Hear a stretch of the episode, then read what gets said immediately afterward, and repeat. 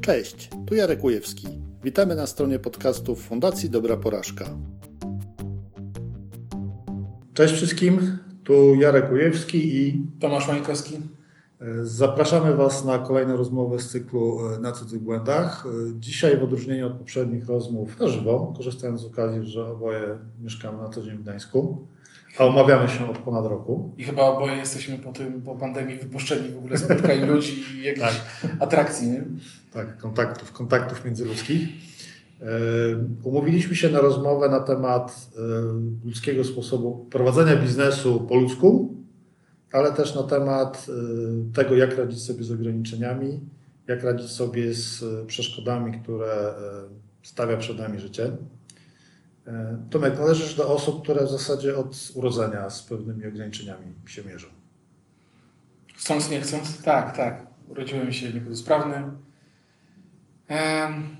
W wyniku tego, że takie, a nie inne czasy były i taka wiedza medyczna była, jaka, jaka była, przyszedłem na świat bez obu nóg i prawego przedramienia. No i nie, były to, nie był to pewnie najłatwiejszy czas dla moich rodziców. Tak sobie dzisiaj mogę stwierdzić sam, będąc, będąc ojcem, e, widząc jaki, jaki mamy dostęp do jakiej wiedzy, do jakich możliwości dzisiaj i widząc, czego moi rodzice e, wtedy nie mieli, więc e, prawdę powiedziawszy, pewnie nie chciałbym być w ich skórze w tamtym czasie, natomiast e, z perspektywy czasu też widzę, że dokonali kawał dobrej roboty, no bo jakoś strasznie nie jeżeli można tak powiedzieć, nie biorę tego do siebie, tego, tego jakiejś mojej fizjonomii, nie jest to dla mnie e, najważniejsza, najważniejsza rzecz w życiu. Więc, więc e, owszem, e, radzenie sobie z problemami, żeby wysałem z, z, z mlekiem matki, można powiedzieć, ale e, na całe szczęście miałem też dużo czasu, żeby się mhm. adaptować do tej sytuacji. Ale to jest trochę tak, że ponieważ e, od zawsze tak miałeś, to nie wiem, czy uważasz, że trochę łatwiej ci to przychodziło niż osobom, którym się może coś podobnego przydarzyć później, jak w późniejszych latach? Jestem przekonany, jestem przekonany, że tak było.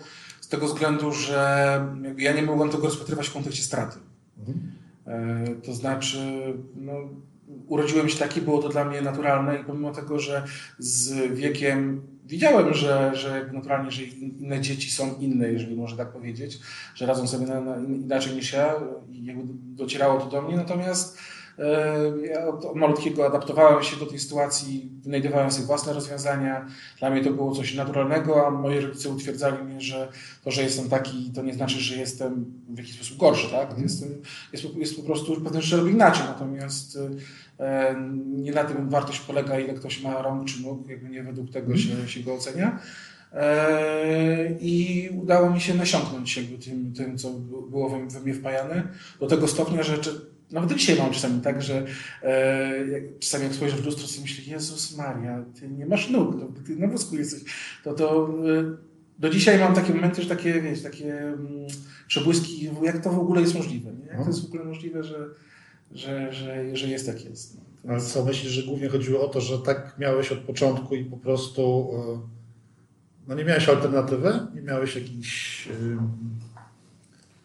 znaczy, wiesz, to, to ciężko jest e, jakby samemu oceniać, co jest powodem, dlatego że, że radzisz sobie lepiej niż, niż powiedzmy, nie wiem, przeciętny, przeciętny inna osoba, którą spotkało w taki czy inny sposób takie nieszczęście. Nie? Myślę, że to jest e, zbiór bardzo wielu czynników. Na pewno, na pewno e, fakt to, że miałem takich, a innych rodziców, takie, a inne możliwości nie był bez znaczenia. Na pewno jakieś tam cechy osobowościowe. Eee, więc jakby ciężko jest powiedzieć, co, co, czy to jest ta jedna rzecz, ale jeżeli zadasz pytanie, czy to, że urodziłem się niepełnosprawny, e, sprawia, że w jakiś sposób miałem łatwiej niż osoby, które tracą rękę, nogę, obie nogi w, w, na przykład w wyniku wypadku komunikacyjnego, to jestem przekonany, że to jest y, bardzo duża różnica. Mhm. Zresztą kupowałem kiedyś samochód od pana, który y, właśnie uległ wypadkowi komunikacyjnemu i stracił władzę w obu nogach. E, no i widziałem, jak rzeczywiście musiał mierzyć, w, w jaki sposób się na nowo odnajdować, co robił wcześniej, e, w jaki sposób próbował jakby budować tą swoją pewność siebie i poczucie męskości e, po, po, po, po wypadku, bo właśnie odniosłem wrażenie, że jedną z głównych rzeczy było to, że, że gdzieś tam to jego poczucie męskości cierpiało, nie? No bo nagle wylądował na wózku, żona musiała mu pomagać, a nie odwrotnie. Miał bardzo ładną żonę, więc też pewnie w związku z tym być może jakieś obawy miał.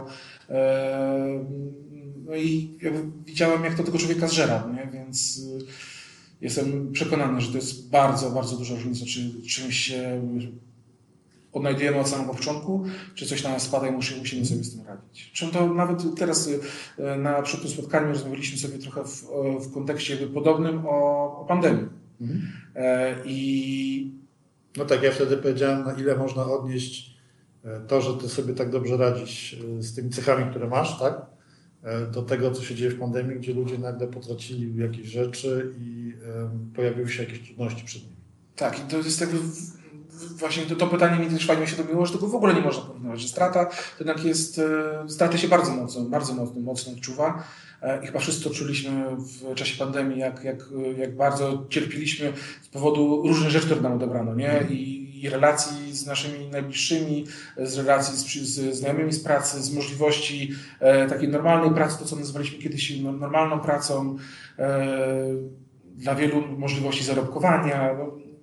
No, ka każdy w zasadzie ma swoją odrębną historię i może powiedzieć jakby swoją historię to, to co mu odebrano i myślę, że to wszystkim był trudny czas. E, ja nie mogę jakoś szczególnie narzekać, bo dla mnie ten czas nie był, nie był tragiczny w skutkach.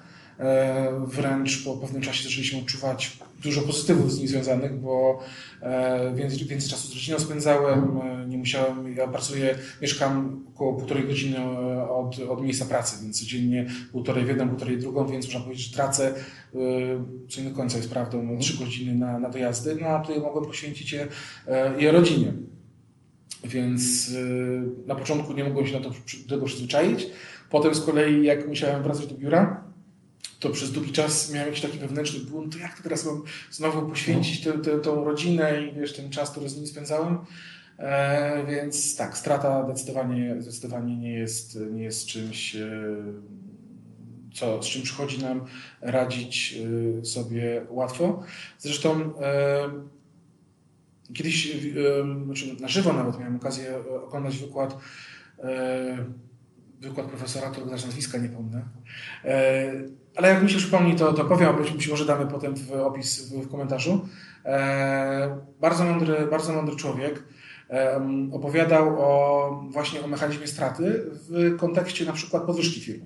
Mhm. Jeżeli damy komuś podwyżkę 100 zł, a za jakiś czas obniżymy mu o 50 zł, to pomimo tego, że nadal będzie miał 50 zł więcej niż miał jeszcze nie tak dawno, to tak naprawdę jego poczucie zadowolenia z tej e, podwyżki e, albo, albo może nawet bardziej się okazuje obniżki e, będzie raczej bardziej skłaniało się ku temu, że on będzie miał poczucie straty, bo mu coś odebrano, pomimo tego, iż racjonalnie ma więcej niż, niż, niż miał jeszcze przed chwilą. Więc to, jak odbieramy stratę, jest, jest no, dla nas po prostu bardzo bolesne i tak, nas, tak nasz mózg to, to, to. Też pamiętam, że jak zaczynałem, e, nazwijmy to karierę w biznesie, e, spotykając różnych mądrych ludzi i pracując w korporacjach pod e, fajnymi przełożonymi, to też właśnie mnie wtedy, młodym będąc jeszcze, nauczono, że bardziej boli coś, co utracimy, niż coś, czego nie zarobimy, niż, coś, czego nie zyskamy. Mhm. Dlatego tak wiele pewnie osób woli nie robić i, nie narażać się na, ryzy, na, ryzy, na ryzyko porażki, niż y, robić i zaryzykować, że, że odniosą porażkę. Tak. E, do porażek jeszcze wrócimy, ale chciałem Ciebie, jakby domykając trochę ten temat, od którego zaczęliśmy, zapytać się jedną rzecz. E, jakie błędy może popełnić osoba, e, powiedzmy taka pełnosprawna, w kontaktach z ludźmi, którzy są niepełnosprawni? Co, co głupiego można zrobić? Tak naprawdę, czy to jakby będzie zakwalifikowane do tego, czy to jest coś głupiego, czy nie, pewnie zależy od samej osoby niepełnosprawnej, nie? Okay. No bo e, ja wydaje mi się, że mam dosyć duży dystans do siebie, w związku z czym nawet jeżeli ktoś zrobi coś, co mogło być gafą, to pewnie raczej będzie się z tego śmiać. Natomiast no. e, wyobrażam sobie, że wróć. To przede wszystkim zależy od tego, kto właśnie Mhm. jest, jaką jest osobą. E, jest taki świetny, świetny e, kabaret, e, który mówi o takiej dowcip kontekstowy, jest osoba niepełnosprawna na e, przystanku e, autobusowym, tam Abelard Kiza to opowiada. E, I ktoś podchodzi i e, chce pomóc go- gościowi na wózku wjechać do, do tramwaju czy do pociągu e, i, i podjeżdża tramwaj, go bierze i do tego tramwaju, a ten mówi, ej goście, puść mi, to nie mój tramwaj, nie idziemy na sru z tym wózkiem do tego tramwaju. nie? Więc to, myślę, że najgorsza jest nadgorliwość. Okej. E, nie? Nad- Nadgorliwość gorsza od faszyzmu, tak niektórzy mówią, nie? E, to, to może nie, że mi przeszkadza, bo ja przyzwyczajony do tego jestem, ale jakby to, z czym się najczęściej spotykam, to taka mm, e, pewna usłużność, Mhm. która wypływa pewnie z dobrego serca i z tego, że ktoś chce pomóc, natomiast z reguły jest tak, że jak ktoś na wózku czy osoba niepełnosprawna potrzebuje pomocy, to z reguły nie poprosi, nie? Mhm. bo zazwyczaj em, osoby, które mają jakiś tam rodzaj niepełnosprawności chcą czuć się samodzielne i chcą czuć się sprawne i nie chcą pamiętać, że są na wózku i z reguły całkiem nieźle sobie radzą z takimi normalnymi czynnościami jak otworzenie drzwi czy jakieś tam jakieś takie, wiecie, zwykłe rzeczy. E, I zazwyczaj nie trzeba im w tym pomagać. No, jeżeli trzeba, to, to poproszę. Więc jeżeli miałbym wskazywać taką jedną nadrzędną rzecz, no to e, brak jakiejś takiej szczególnej nadgorliwości, pewna uważność, e, zwrócenie uwagi, czy, czy, czy osoba może potrzebować pomocy, czy nie. Przypomniałem się teraz taka sytuacja e, e, w Gdyni ostatnio, jak byłem u, u Barbera, to już po prostu z daleka widziałem pana kierowcę autobusu. Jak szedłem chodnikiem e, do autobusu, nie, nie, miałem zamiaru wchodzić, poszedłem do, do, do centrum, ale no, szedłem w kierunku tego autobusu. Już wszyscy dawno siedli, autobus powinien odjeżdżać, a pan kierowca wpatrzony we mnie świdrował mnie, mnie wzrokiem, yy, czy, czy, czy nie będzie, ja nie będę potrzebował pomocy, czy ja właśnie do niego nie idę, więc tam jak zauważyłem, to wzrokiem pokazałem, że nie, że jest okej, że może jechać, ale tak czułem normalnie, jak ktoś się we mnie wwierca. Więc Powiem Ci, że zapytałem się dlatego, że sam e, pierwszy raz mając kontakt z osobami pełnosprawnymi, e, nie do końca wiedziałem, jak się zachować we właściwy sposób.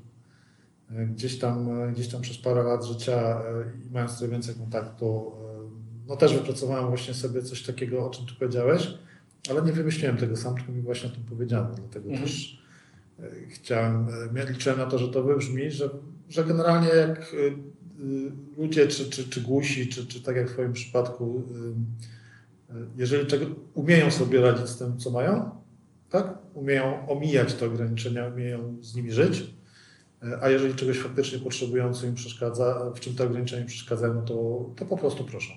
mhm. no i tak myślę, że tak Także- jest. Także warto myślę, że tutaj być uważnym y, też w kontekście właśnie wysłuchania, czy ktoś nie potrzebuje jakiejś pomocy, a niekoniecznie od razu z tą pomocą lecieć. Tak? Tak, oczywiście jakby to, że ja mm, jakby jestem takiego zdania, czy, czy taką radę daję, nie musi być uniwersalne, bo mm, jakby słowo niepełnosprawność jest, y, jest tak pojemne i tak głębokie, że to mm, i chyba nie sposób nawet sobie wyobrazić, co, co to może oznaczać, bo dla mnie oznacza to, że, że, że jestem na wózku i mam ograniczenia związane, związane z tym, ale dla kogoś innego może oznaczać całą masę innych rzeczy, w związku z tym, że nie wiem, no, nie widzi kolorów, y, że nie słyszy, że nie widzi. No przecież y, niepełnosprawności jest y, całe mnóstwo, nie? Więc jakaś próba generalizowania i dawania jednej rady jakby dla wszystkich niepełnosprawnych jest, jest mega, mega trudna. Aczkolwiek myślę, że to, o czym powiedzieliśmy, to prawdopodobnie sprawdzi się w, w przypadku większości, większości osób, które borykają się z jakimiś y, y, trudnościami. E, Tak a propos pojęcia niepełnosprawność, to pamiętam jak kiedyś w Towarzystwie Głuchych któraś z tych osób e, powiedziała mi, że e, z ich perspektywy to ja jestem niepełnosprawny, bo nie znam ich języka, tak? Nie potrafię migać. Więc można mieć taki punkt widzenia. No, fajne, fajne odwrócenie. No, taka prawda. Nie wiem, czy, czy wiecie, ale głuchych jest e, w Polsce około 40 tysięcy, także to jest cała społeczność po prostu duża, tak? E, Dlatego nie należy się dziwić, że chociażby w kontekście ostatnich wyborów e, prezydenckich nagle się zaczęły pojawiać tłumaczenia migowe w telewizji. To prawda nie do końca tak zrobione jak trzeba, ale zaczęły się pojawiać, żeby też dotrzeć do tej grupy. tak? Mhm. Ja z, pamiętam u Marka Jankowskiego był kiedyś e, właściciel czy założyciel grupy Migam e, i opowiadał o tym, że są dwa rodzaje języka, języka migowego w Polsce. I przez długi czas to, ten język, którym posługiwano się w telewizji, to był język, którego osoby głuche w ogóle nie rozumiały, nie? więc... Bo taki, taki był uczony. Tak, no nieprawdopodobnie. Tak, tak. nieprawdopodobnie. To takie robienie, robienie trochę czegoś dla sztuka dla sztuki, nie? Na zasadzie, że mhm. jesteśmy politycznie poprawni, E, no bo tutaj robimy i tłumaczymy, natomiast y, pewnie y, osoby, osoby które to nie dotyczyło, kiwały głową z uznaniem, a, a głusi nadal nie mogli, nie, nie mogli odbierać, nie korzystać z tego tak. medium kultury. Ja y, pamiętam, jak organizowałem Fuck w Warszawie, zaprosiliśmy Iwonę Cichosz, która właśnie jest osobą głuchą, natomiast jest osobą dosyć znaną publicznie. Dla mnie była bardzo znana z Pendolino, bo jak jeździłem pociągiem i tam była ta, taka reklama, że właśnie PKP E, ma tłumacza języka migowego a propos migam, e, to, e, to Iwona właśnie w tej reklamie występowała. Natomiast jest to też mistrz świata głuchych, mhm. jest to też aktorka znana z serialu w Leśniczówce. Co ja chciałem powiedzieć? A, już wiem. No i tradycyjnie jest tak, że każde wystąpienie trwa mniej więcej 20 minut. Iwona opowiadała oczywiście przy pomocy tłumacza języka migowego, który pomagał w kontakcie z, ze słyszącą generalnie publicznością. Natomiast z, tego, z tych 20 minut zrobiła się prawie godzina, bo ludzie zaczęli po tym wystąpieniu Iwony zadawać pytania, które odkrywały świat, którego oni na co dzień nie widzą. Odkrywały taki świat, w którym są emocje inaczej wyrażane niż to robią osoby słyszące. E, są pewne e, przeżycia, są pewne mm, trudności, można tak powiedzieć, e, inne, obce nam, ale takie, które y, też że właśnie budzą różne, różne takie ciekawe emocje. Nie? Także aż żal mi było po prostu przerwać, a dzisiaj jak o tym opowiadam, to czuję taki trochę deszcz, bo to taki... Trzeba to wykorzystać, zrobić z tego jeszcze kiedyś. Nie? To, jest, to jest bardzo fajny temat, bo e, ja zazwyczaj doświadczam go w taki mniej fajny sposób, bo um, poza tym, że ludzie sobie czegoś nie wyobrażają, też bardzo często ludzie sobie wiele rzeczy wyobrażają mhm. na, temat, y, na temat osób niepełnosprawnych. E, I ja w swoim życiu się bardzo często spotyka, spotykałem z tym, że mówiono gdzieś za moimi plecami albo mojej żonie e, o, o Boże, jak Ci współczuję, jak Ty musisz mieć ciężko, ile Ty musisz na pewno rzeczy przy nim robić. A moja żona takie oczy mówi, ale co mam przy nim robić? Ja nie, nie rozumiem. Nie, no, musisz pomagać mu na pewno, ale w czym pomagać? No już sam robi. Ale nie no przestań, no ogóle. No, jak, jak, moje, jak moja babcia pochwaliła się w swoim bloku, że jej wnuk, ten, ten niepełnosprawny, ten na wózku, zrobił prawo jazdy, to podobno wszyscy drzwi pozamkali i powiedzieli, no tak, tak już w ogóle teraz zwariowała, nie? No, on prawo jazdy zrobił. E, Tomek, masz pewne sukcesy w pływaniu. Tak, tak. Znaczy dzisiaj, dzisiaj pewnie e, wynikałyby one głównie z tego, że unoszę się na wodzie niczym boja. E, no ale jak byłem troszkę młodszy i było mi trochę mniej, to, to tak, zdarzało mi się, się pływać i to nawet z pewnymi sukcesami. No właśnie nie pamiętam, jak się ten tytuł nazywa. A bo to nie żaden tytuł. E, po prostu swego czasu przepłynąłem e, dosyć, dosyć dużo metrów w basenie. Okay. Mianowicie jeszcze za dzieciaka przepłynąłem dwa kilometry ciurkiem, co w tamtym czasie było rekordem świata okay. w pływaniu osób niepełnosprawnych. No, i tyle, no to tak w zasadzie wiesz, bardziej samemu, samemu jakby gdzieś tam wymyślony, bo tego nie ma, nikt nie zrobił, nie, więc zrobiliśmy, okay. więc nie umieszając, nie, umiesza, nie umieszając sobie, natomiast to, to, to było bardzo dawno temu, miłe wspomnienia, e, na pewno w jakiś sposób mnie zbudowało, w, mhm. tak, tak moją pewność siebie, e, no natomiast no, bardzo, bardzo dawno dzieje. Kwity kierowcy rajdowego. Wyścigowego. Wyścigowego, przepraszam. Wyścigowego. To, to jest bardzo duża różnica. To jest bardzo duża różnica, którą bardzo niewiele osób jakby zna, zna i rozumie. Kierowca rajdowy to jest taki kierowca jak na Krzysztof Hołowczyc, okay. czyli który jeździ w ostępach, w lesie, na drogach takich y, nieprzygotowanych do mhm. motorsportu, jeżeli można tak okay. powiedzieć. Znaczy, to nie jest tor, gdzie jest asfalt, e, gdzie jeździ się w pętli. Okay. No więc to jest jakby ta różnica. Nie? Jest kierowca wyścigowy i, i, i rajdowy. Wyścigowy to właśnie oznacza, że jeździ, jeździ raczej, raczej na torach. Ja się Chociaż przy... niekoniecznie. Okay. Bo są ja też się... wyścigi górskie, gdzie się jeździ e, gdzieś tam po drogach takich cywilnych, no ale to jest jednak istotna różnica. Ja się przyznam, że ponieważ no, obracamy się w podobnym towarzystwie, e, to ja przez długi czas, e, czytając Ciebie przede wszystkim gdzieś, czy na Facebooku, powiem najczęściej na Facebooku, e, czy, czy, czy w jakichś wypowiedziach. E, to ja chyba za 3-4 lata potem, jak pierwszy raz o tobie usłyszałem i gdzieś tam cię zobaczyłem, to się dowiedziałem, że w ogóle jesteś osobą niepełnosprawną. I dopóki tego nie wiedziałem, znaczy dalej mi to nie przeszkadza, nie? Tak, może to brzydko zabrzmiało, ale myślę, że wiesz o co chodzi. Jakby nie, nie, nie, nie wpływało to na moją percepcję tego, co robisz, nie wpływa dalej. Ale taki, zawsze się pojawia takie coś, mi się wydaje, że jak to, on to wszystko osiągnął, będąc taką osobą. To taka trochę myśl chyba osoby nie mającej zbyt dużo kontaktów jednak i, i zbyt dużej świadomości tego, jak, jak takie osoby żyją. Myślę, że to. Ja, ja to zawsze powtarzam, że ja tak naprawdę na dobrą sprawę nie, nie zrobiłem niczego, czego ludzie by nie robili, nie? No bo przepłynąć dwa kilometry, czy, czy zrobić licencję kierowcy wyścigowego, każdy może. Mhm. E, I jakby to, dlaczego ludzie tak się dziwią, to właśnie wynika z tego, że, no, że ja miałem, jakby trochę naokoło musiałem te rzeczy robić, albo być może mi te rzeczy było trudniej zrobić. I, e, i tu dochodzimy do, znowu do kwestii wyobraźni, no bo ciężko jest sobie każdemu wyobrazić, jak to by było znaleźć się na jego miejscu, a co dopiero robić takie rzeczy.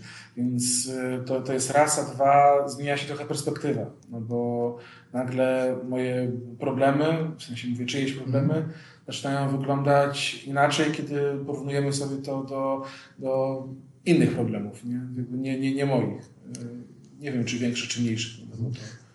Przyznam się, że już dzisiaj nie mam takich myśli, że tego typu, tak, że budzi to moje zdziwienie, jak osoba, taka jak jak osoba taka jak Iwona Cichosz może osiągać pewne rzeczy, które wydawałoby się, że osoba niepełnosprawna nie może osiągnąć. Raz myślę, że się tego po prostu nauczyłem, poznając was i, i wiele innych podobnych osób. A dwa, myślę, że też generalnie już ta świadomość tego, że jednak mamy takie czasy, że chociażby technika, która też Ciebie wspiera, pozwala ludziom e, na osiąganie pewnych rzeczy, które może, nie wiem, 50 lat temu, czy nawet 20 lat temu były niemożliwe. Być może. Znaczy nie, wiem, czy, nie wiem, czy zdziwienie jest jakby właściwym, właściwym słowem, no bo to e, jak, jak widzę, jakie rzeczy nie osiągają osoby niepełnosprawne, e, to bliższy mi słowo, słowo podziw dla, dla, dla niektórych osób, które robią, mhm. robią duże rzeczy. No, nie, właśnie nie wiem, czy zdziwienie to jest dobre. Coś mi nie pasuje. Nie, no, nie potrafię lepszego, lepszego wskazać, natomiast z tym zdziwieniem mi tu tak nie, to nie... Też nie mam lepszego słowa, ale no, tak, tak po prostu się czułem. Nie? Musiałem, kiedyś, musiałem się Kiedyś pewnie to można, można było do zdziwienia, zdziwienia mhm. też przyznać, tak jak się zobaczyło też, nie wiem, osobę czarnoskórą na ulicy, nie? To człowiek był zdziwiony. Oj, 20-30 tak. lat temu, nie? Kiedy, kiedy po raz pierwszy się widziało. Natomiast dzisiaj też to ciężko byłoby mówić o pewnym zdziwieniu i myślę, że podobnie jest z wami niepełnosprawnymi, bo tak jak e, osób innych, e, innych, innego koloru skóry, innych narodowości jest więcej, tak i na całe szczęście osób niepełnosprawnych jest tradycji na ulicy mhm. z wielu względów pewnie uwagi na poprawę ogólną statusu materialnego nas, nas wszystkich i z uwagi, z uwagi, z uwagi na e, znikające bariery architektoniczne, które kiedyś już były w zasadzie wielkie i nagminne i tak naprawdę bez pomocy innych osób nie można było wiele zrobić, a teraz no ja nie, nie przypominam sobie, kiedy ostatnio miałem jakieś takie istotne mm, trudności, problemy mm. związane z barierami architektonicznymi. Raczej na, na wybory mogłem teraz normalnie pójść. Kiedyś nie było normą. Kiedyś no. E, wybory przychodziły do mnie, to znaczy musiałem poczekać, aż komisja e, komisyjnie w całym swoim majestacie zejdzie po schodach do mnie e, i będę mógł jak, jak praworządny obywatel oddać głos na ścianie. To mnie zawsze denerwowało, że nawet stolika nie widzieli, że, że, że jest osoba niepełnosprawna w, w tym okręgu i że chociażby mały stolik mogli wystawić nie. Zawsze musiałem głos, głos, głos na ścianie oddawać i Strasznie, strasznie okay. denerwowało. Nie, nie, nie, do końca zrozumiałem najpierw o co chodziło z tą ścianą. No bo nie było lepszego miejsca. Tak, tak, tak, tak, rozumiem. To jeszcze, jeszcze nie na plecach oczywiście. A teraz jeszcze te karty podczas ostatniego głosowania były malutkie, więc jeszcze ale te z reguły jak są wybory nie wiem, parlamentarne, to są takie solidne płachty, nie? Tak, więc tak, poradzić sobie na tej ścianie. Tam flipcharta żadnego nie było, żeby to rozwieścić. Całe, całe książki. No dobra. Bardzo wcześnie zacząłeś swoją przygodę z biznesem, co prawda nie swoim, ale rodzinnym. Trochę tak, pasywnie tak. chyba bardziej. Tak, jak, jak, jak, jak wszystkim od, od dzieciństwa i tym dobrą energią e, i dobrą energią i e, jakby tą wiarą w to, że, że to, że się jest niepełnosprawny E, to nie jest problem. Nasiąkałem, tak, tak nie można powiedzieć, że biznesem nasiąkałem, e, bo mój tata, myślę, że w dużej mierze przez to, że się urodziłem tak, jak się urodziłem, e, bardzo mocno w biznes poszedł. To znaczy, że to w pewnym, w pewnym sensie podejrzewam, że była dla niego droga ucieczki. Ktoś nazwie to pracoholizmem, no, on się po prostu w ten sposób odnajdywał, mówiąc, że wiedział, że będzie musiał jakby zapewnić swojej rodzinie odpowiedni byt, a z uwagi na to, że ma niepełnosprawnego syna, ten byt będzie musiał być pewnie jeszcze droższy, jeszcze bardziej specyficzny, nie? no bo mhm. nagle mieszkanie na którymś piętrze już nie było czymś ok, no bo wiadomo, że za chwilkę będzie jakiś wózek, będzie mm, potrzeba poruszania się. No więc e, ojciec e, bardzo szybko poszedł, poszedł biznes, jeszcze w zasadzie przed e, zmianą ustrojową. Zaczął się tą przedsiębiorczością, przedsiębiorczością wykazywać, zakładając między innymi pierwszy parking w Polsce. To jest też, zabawna historia, bo nie wiedzieli w, w tamtym czasie, jak go podatkować. W związku z czym wymyślili, że za każde miejsce parkingowe będą liczyć jak za podatek jako od łóżka w hotelu. Okej. Okay. więc więc no, myślę, że mój tata takich historii mógłby całe dużo mnóstwo poopowiadać. No i ja obserwowałem sobie, jak, jak, jak on działa. Przez wiele lat zresztą mając e, jako dziecko do niego wiele pretensji, no bo e, to, co dzisiaj rozumiem, a co wtedy nie rozumiałem i to, co jakby było pierwszą lekcją e, biznesu i tego, co jest z tym związane, to to, że dla, w biznesie trzeba się bardzo mocno poświęcić, zaangażować w to, żeby, żeby ten biznes robić. Jeżeli chcemy mieć coś swojego, to może się wydawać, że to jest coś miłego i fajnego, coś, co będzie jakby pracowało, to pewien samograj, a my będziemy lepiej niż na etacie. Natomiast zazwyczaj, przynajmniej przez pewien czas, to oznacza jakby coś zupełnie odwrotnego. To oznacza bardzo ciężką pracę i mnóstwo rzeczy. No i tak było w przypadku mojego taty. E, widywaliśmy go jako ja i moje rodzeństwo bardzo rzadko. E, często było tak, że jeździł e, do jednej firmy, czekaliśmy do niego do późnego wieczora, miał, mieliśmy się z nim zobaczyć, nie przyjechał, tata będzie rano, okej, okay, idziemy spać, on się budzimy, się okazało, że już nie ma. Nie że, nie, że nie przyjechał, tylko przyjechał, chwilę pospał, spakował się, przypakował, jechał znowu gdzieś tam w, w trasę, nie? więc takich, takich wspomnień e, mam, mam sporo. No jedną z e, pierwszych rzeczy, jakie sobie obiecałem, to jest to, że w mojej rodzinie tak nie będzie że myślę, że w ogóle mamy, jako, jako młodzi ludzie, jak wzrastamy, to e, a propos uczenia się na czyichś błędach, to obserwując, jak działają nasi rodzice i to, z czym się nie zgadzamy, nie zgadzamy, to bardzo często mówimy sobie, że ja tak robić nie będę. Najczęściej, najczęściej to są tylko takie, taka czcza gadanina, bo pewnie większość z nas i tak powiela te, te błędy, e, które które no, powielali, które robili nasi rodzice. Natomiast Marcin Prokop w wywiadzie u Wojtka Hery powiedział coś, co mi tak mega, mega zapadło w serce, bo jest mi bardzo bliski. Jakby tak staram się robić, pewnie zawsze mi wychodzi, ale staram się. Mianowicie powiedział, że on dla swoich dzieci stara się być tamą. Czyli jeżeli widział u swoich rodziców coś, co mu nie odpowiadało, to stawia tamę i stara się na swoje dzieci tego nie przynosić, żeby tego nie multiplikować. Nie? Bo wiadomo, że powiedzmy, jeżeli on ma dajmy na to dwójkę dzieci, to, to, ta dwójka dzieci miała kolejną dwójkę, nagle się okazuje, że te błędy dwojga naszych rodziców są e, zmultiplikowane na ileś tam naście osób z kolejnych pokoleń, nie? więc e, to jest strasznie słabe, więc e, bardzo mocno staram się. To jest cholernie trudne, szczególnie w przypadku prowadzenia czegoś własnego. Tym bardziej, że z tą równowagą w, w życiu i w biznesie to chyba nie zawsze jest tak, że e, wiecie, 8 godzin śpimy, 8 godzin jestem w pracy i 8 godzin jestem z rodziną. No, czasami trzeba spać mniej, e, czasami trzeba być znacznie więcej w pracy, czasami e, danego, danego dnia z rodziną się jest znacznie mniej. Natomiast myślę, że to też nie można liczyć tylko godzinami, ale też jakością jakby tego spędzonego, spędzonego czasu. No i gdzieś tam bardziej pewnie intuicyjnie niż matematycznie staram się tą równowagę zachowywać. No. Mam nadzieję, że wychodzi mi to nieźle, natomiast y, no to pewnie moje dzieci ocenią, jak to, jak to było. Nie tak samo, jak my ocenialiśmy y, moich, moich rodziców. COVID trochę pomógł w tych relacjach rodzinnych, bo więcej w domu byliśmy. To wiesz, to ja, ja, nie mogę mówić za wszystkich. Jak, jak obserwowałem tam Facebooka, to podejrzewam, że jedno małżeństwo się przez COVID rozpadło. Nie? Podobno liczba rozwodów wzrosła. Widziałem, widziałem całkiem fajne memy, wiesz, jak na przykład drugi tydzień kwarantanny, e, wiem już jak moi domownicy mają na imię. No, nie, ja na początku no, bardzo ciężko mi się pracowało, e, jeżeli znowu do COVID wróciliśmy, bo synek przychodził, płukał drzwi, wisiał na drzwiach, tata, tata. Po jakimś czasie się przyzwyczaił, ja też już się trochę wdrożyłem myślę, za, za, za tych nowych warunków i, i było lepiej. No, natomiast no, ten czas z rodziną, to, że można było wyjść i zaraz iść na spacer, czy no, jakoś ten czas spędzać inaczej, no na pewno był fajny.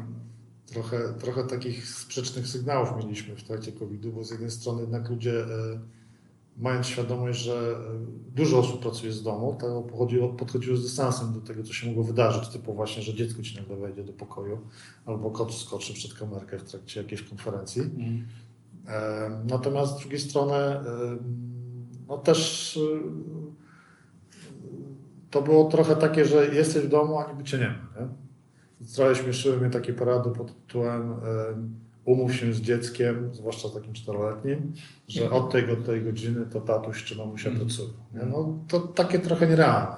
Znaczy w ogóle w tamtym czasie był wysyp webinarów, wszyscy nagle, wiesz, e, ogień, ogień burdelu, nie? Wiesz, wszyscy nagle e, nie możemy działać tak, jak działaliśmy do tej pory, więc robimy coś, to co pierwsze to odpalam e, tam live'a na Facebooku i robię, robię webinary. I... Cicho, bo ja też tak robię.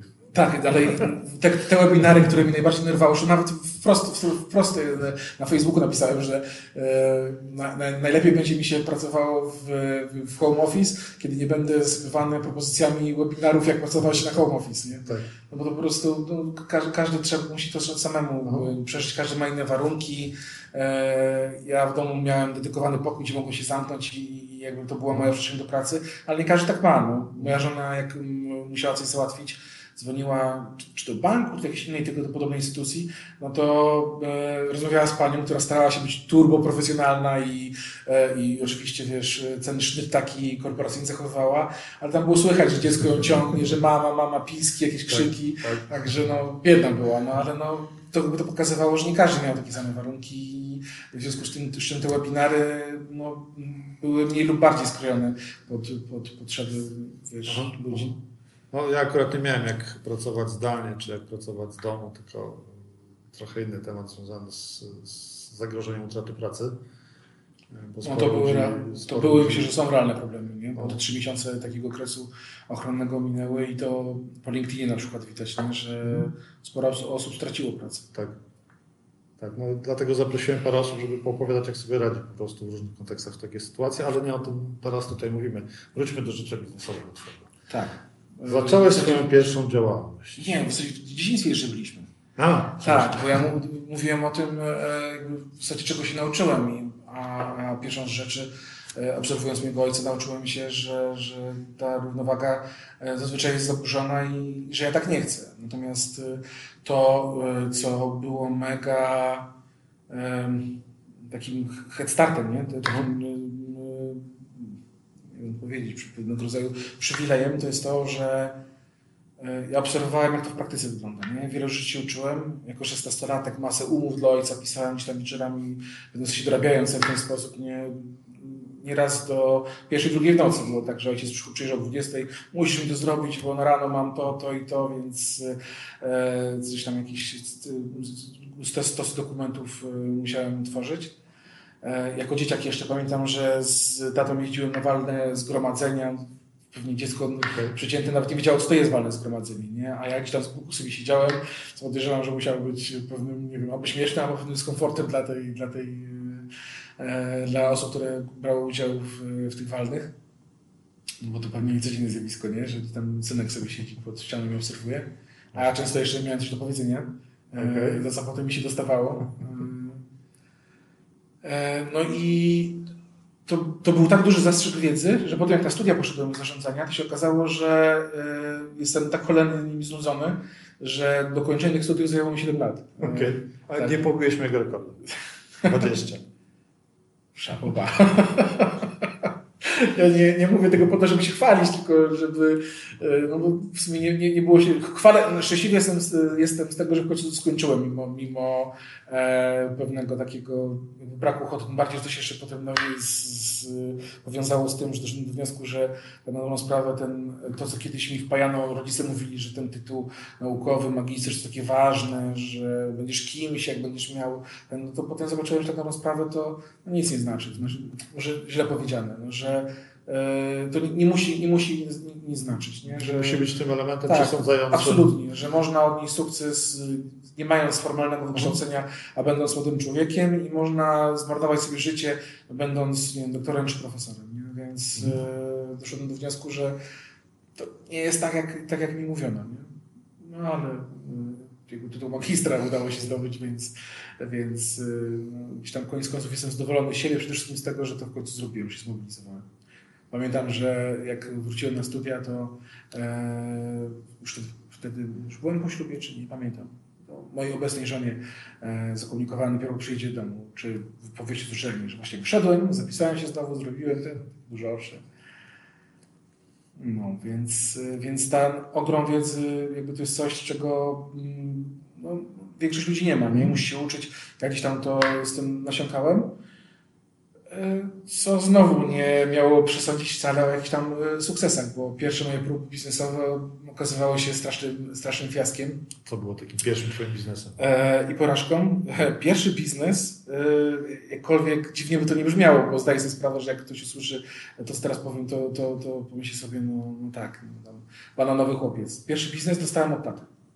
Mhm. Na 18 urodziny dostałem e, biznes, który produkował okna Oczywiście to jest trochę dużo powiedziane, no, to się wiązało po prostu z tym, że gdzieś tam y, zostały na mnie przypisane, przypisane e, udziały w spółce.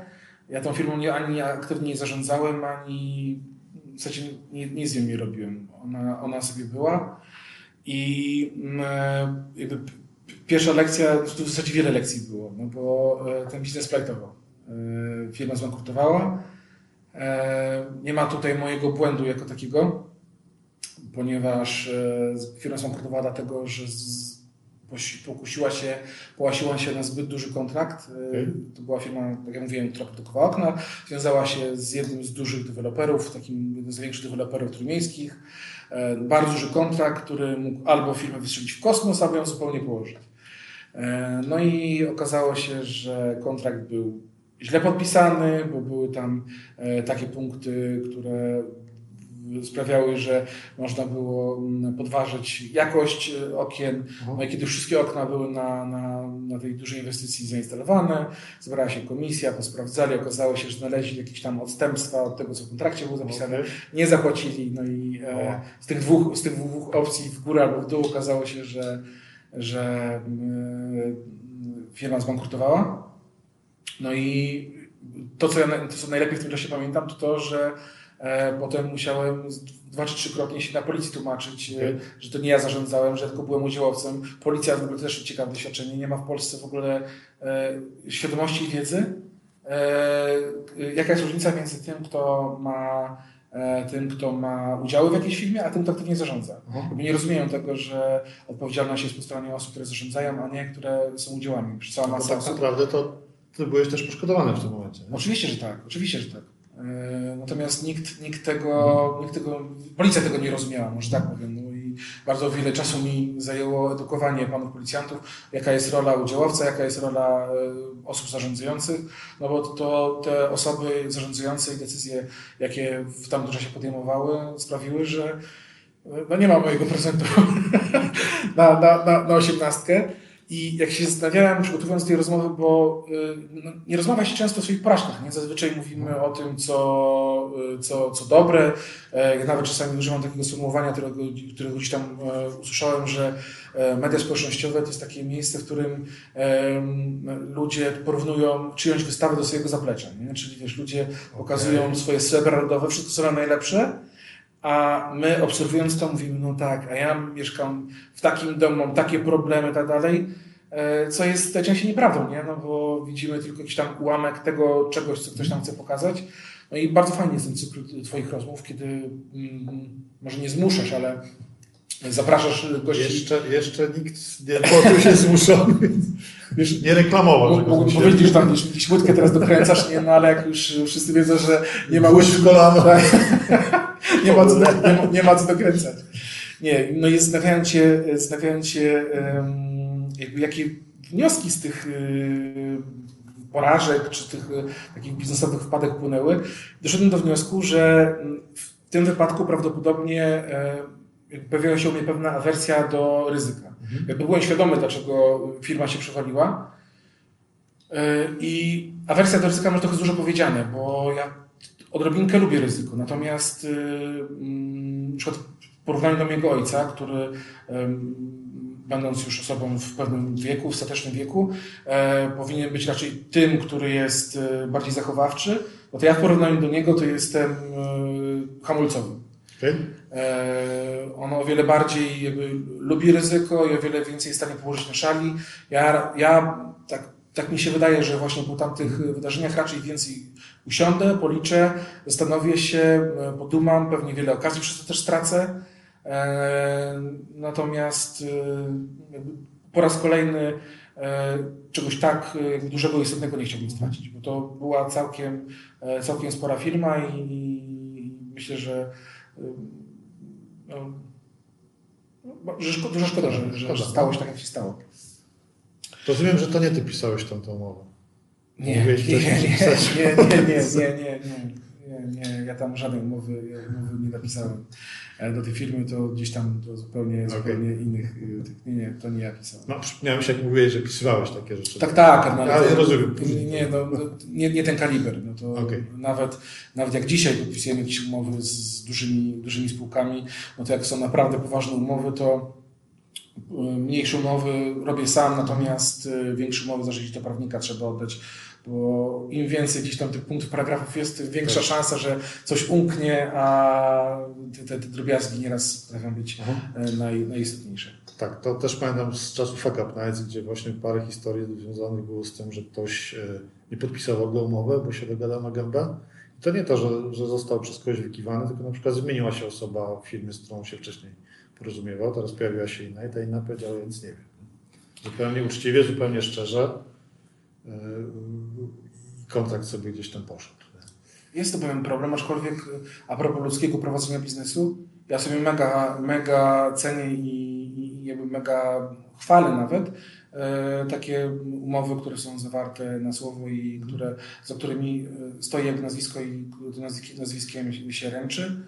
E, to jest takie dosyć staromodne, natomiast wydaje mi się, że życzyłbym sobie, żeby tak świat mógł wyglądać i żeby duże, duże umowy tak, tak zawierane być mogły. I często tak się słyszy, że na, na naprawdę dużym, wysokim poziomie e, podobno e, ta ilość papierów maleje, jest, jest mniejsza niż, niż na, na tych średnich czy, czy, czy dużych biznesach. Naprawdę, naprawdę e, wielkie persony tego świata biznesowego potrafią zawierać fantastycznie Mhm. duże, duże umowy na, na uścisk dłoni, po prostu. Nie? Tylko słyszałem, że później jest taki tekst, to teraz niech twoi prawnicy spotkają się z moimi prawnikami i to podpiszą. Tak? nie wiem, czy to z filmu, czy z anegdoty, ale... Pe- Pewnie, pewnie tak jest, aczkolwiek y, będę chciał też powiedzieć o tym człowieku, e, którego kiedyś spotkałem. Bardzo mądry mm, facet z Doliny Krzemowej powiedział mi kiedyś, że e, jak em, decydują się wesprzeć kogoś, e, czyli anioł biznesu decyduje się przekazać pieniądze jakiemuś startupowi, to bardzo często wygląda to w ten sposób, że maglują go, maglują, maglują. Jak już podejdą, podejmą decyzję, dobra, to idź tam, idź do tego, tam coś podpisz i oni ci tą kasę wypłacą, powiesz gdzie, jak. E, więc jak już się przejdzie ten cały magii i młyn, to nagle się okazuje, że e, już sam deal to jest e, Mhm. naprawdę nie, nie, nie jest taka wielka sprawa. Więc, więc, więc fajnie. Da się, da się. Wiem, że da się, bo też bardzo często zdarza mi się tak, że umawiam się na słowo z kimś, e, bardzo rzadko się zawodzę, jak mi się czasami pytają, czy się nie boję tam zaufać nawet komuś zupełnie świeżo spotkanemu, e, no to mówię, że na razie póki co bilans zysków i strat jest korzystny dla mnie, tak? Że żona, żona mnie często strofuje, że, że jestem zbyt, zbyt ufny i zbyt, zbyt dobry i tak dalej, że nie powinienem, że mam twardą dupę i tak dalej, ale e, jeszcze, jeszcze chcę i wolę się kilka razy przyjechać, nie? bo wolę tak niż, niż, niż inaczej. Okej. Okay. Wracając do Twoich biznesów. Tak. Co było po Pier, Potem kolejnym, kolejnym moim był pomysł na, na import elektroniki, tak można ogólnie powiedzieć, ze Stanów. To był e, czas, kiedy dolar zjechał do 2 zł, gdzieś tam około 2007-2008 roku. 2008 wrzesień 2018 ostatnio jakąś starą fakturę widziałem walutową. Dolar po tyle był. Dobrze mówię, tak? To, to, to był ten czas, tak. No, pamiętam, że było 2 zł. I... 2,18, sprawdźcie ile jest. Ja swój samochód w tamtym czasie kupowałem ze Stanów po 2 zł za, za, dolar, nie? więc e, och, to był wspaniały czas. No, nie, nie, nie, nie to, co dzisiaj po 4 zł. No i sobie wykombinowałem wtedy, że e, skoro dolar, dolar taki tani, to aż się prosi, nie wiesz, coś ściągać. E, no i zabrałem się do, do, do tego biznesu i zabrałem się od dupy strony, bo przede wszystkim skupiłem się na, na marketingu, robiłem strony, wizytówki, okay. a w międzyczasie oczywiście jakieś rozmowy. Znam to. Znam to. Tak, rozmowy oczywiście jakieś tam trwały, tam się dogadywałem. I w zasadzie e, historia, e, long story short, nie można powiedzieć, nie? bo koniec końców e, potem przyszedł kryzys w 2008 roku, ten głęboki, waluta zupełnie zmieniła się. Okazało się, że to, co liczyłem na kursie po 2 zł, to potem nie ma racji bytu, bo ceny w Polsce nie dążają za tym, to, to w ogóle jest dupy. To wszystko, co miałem podpisywane, to jest w ogóle za przeproszeniem kandy poobić. No i skończyło się jakąś tam stratą finansową i zawiedzionymi oczekiwaniami. Na szczęście nie tak dużymi jak w przypadku tego kolejnego biznesu. Kolejnym biznesem, e, kolejną porażką, no w zasadzie nie, obiecałem, że będę mówił o jakichś lekcjach e, właśnie, które, których się nauczyłem z tych kolejnych porażek. E, no i w tamtym przypadku obiecałem sobie, że już nigdy więcej nie zabiorę się właśnie najpierw od, wiesz, od, od marketingu, od tego, żeby to wszystko pięknie wyglądało, tylko najpierw skupię się na samym mięsie, na tym, żeby to przede wszystkim wdrożyć, mhm. żeby to zaczęło działać, bo, no bo okazje sama potem uciekają. Nie? No to zapisałem sobie od dupy strony, nie? Że, że już nigdy więcej od dupy strony, że, że to nie był dobry kierunek. Kolejną e, porażką, jaką zaliczyłem, było studio, które sobie nie wiedziałem, czy, czego, czy, co to studio ma programować. Myślałem sobie, miałem takie marzenie, że e, nie znałem wtedy Ciebie jeszcze, jakbym Ciebie znał, to przynajmniej mógłbym się Ciebie poradzić. Miałem marzenie, żeby robić gry, robić jakieś aplikacje. To był taki bardzo gorący, gorący czas, bo e, wtedy mobile też wchodził. W zasadzie niewiele jeszcze było, a, a głowa była pełna pomysłów i no, ambicje miałem bardzo, bardzo duże. Miałem pomysł na kilka własnych aplikacji, się konsultowałem ze szwagrem, który w Intelu pracuje. To wszystko wyglądało rewelacyjnie. Zrobiłem biznesplan, e, założyłem firmę, e, pozyskałem finansowanie w postaci kredytowania. E, co też nie jest nie najlepszym pomysłem e, na, na sam początek, jeżeli naprawdę nie jesteśmy mega, mega pewni, e, czy to, co chcemy robić wypali. Ja tutaj nie mogłem, nie mogłem w żadnym wypadku być, być pewien. I największy błąd polegał na tym, że się na tym zupełnie nie znałem. Nie miałem w ogóle pojęcia o tym, e, co to znaczy programować. Nie potrafiłem nawet jednego znaku postawić w jakimkolwiek kodzie. E, znajomości miałem takie, jakie miałem, gdzieś tam kogoś znałem, zacząłem jakieś konferencje jeździć branżowe, gdzieś tam właśnie w Warszawie nawet przy spotkaniu zrobiliśmy jakieś konferencje dla twórców gier były, gdzieś tam poznałem ludzi, popytywałem, trochę zacząłem już tak, wiesz, wydawało mi się, że czuję pismo nosem. E, zacząłem coś tam robić. E, pierwsze zlecenia dałem, krótko mówiąc, zaczęły pieniądze płynąć od, ode mnie do, do, do innych. No i się bardzo szybko okazało, że to jest bardzo drogi biznes. To znaczy, że programiści sobie winszują za swoją pracę e, bardzo dużo, graficy winszują sobie bardzo dużo.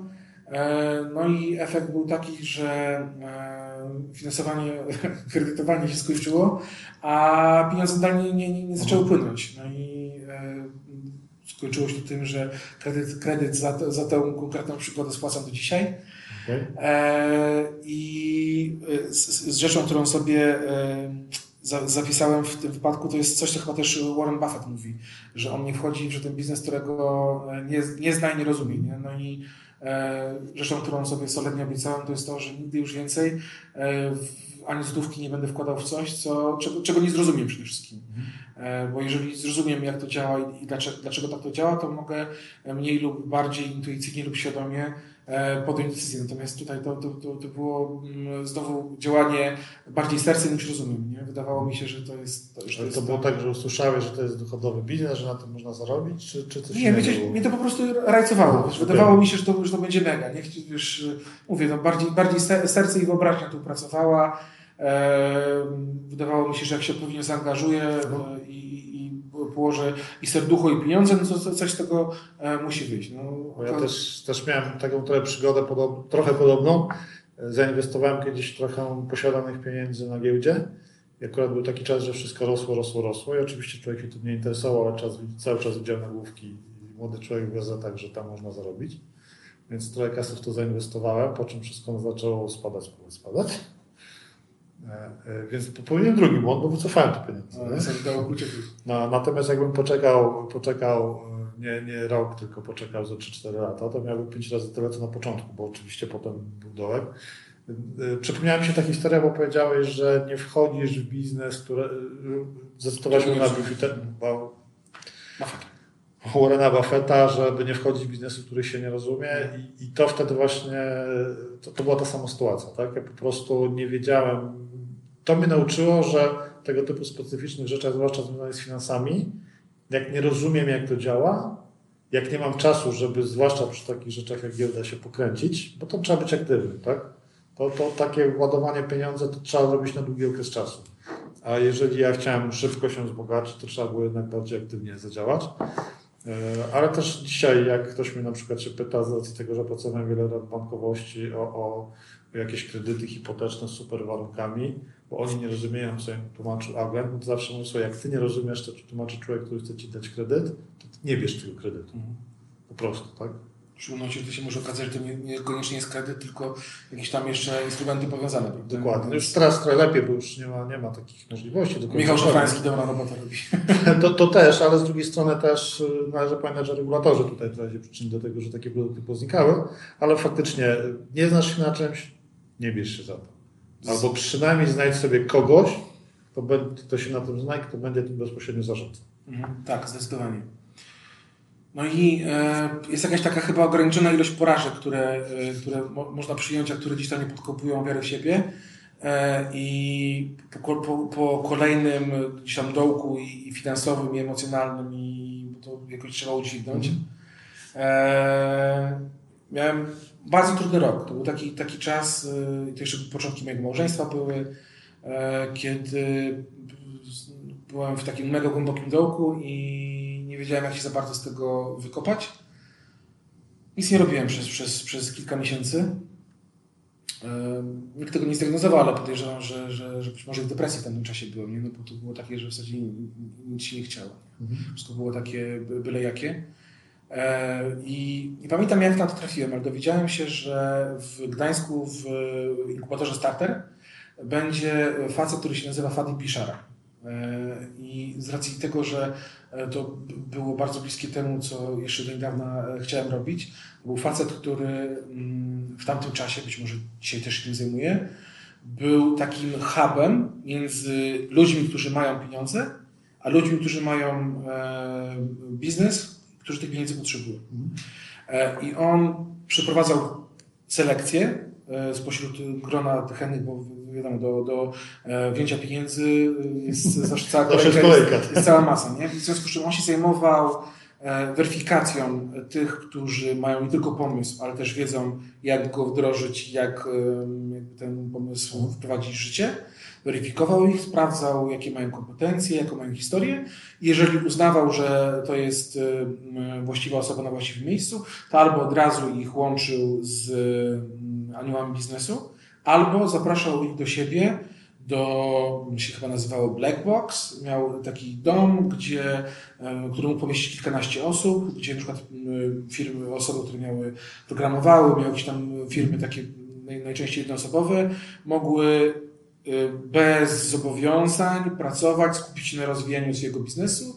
On im dawał to takie początkowe wsparcie, mieli um, przestrzeń taką, gdzie też kreatywnie mogli się rozwijać, bo mieli inne osoby, które e, miały ten podobny mindset. No i e, to było takie miejsce, gdzie te osoby wzrastały.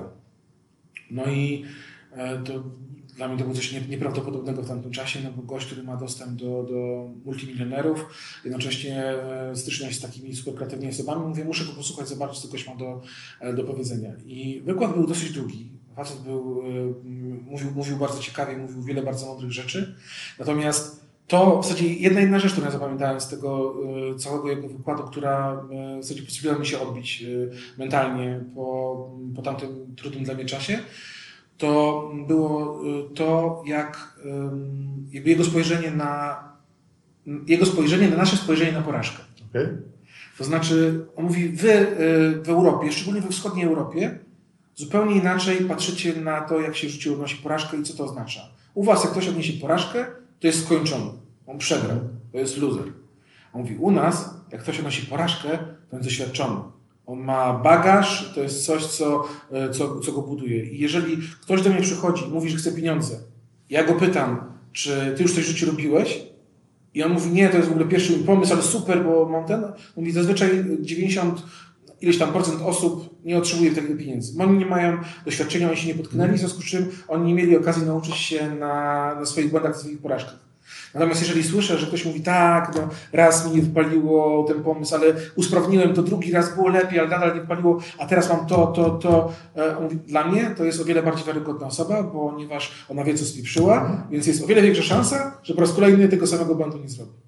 E, I to było bardzo takie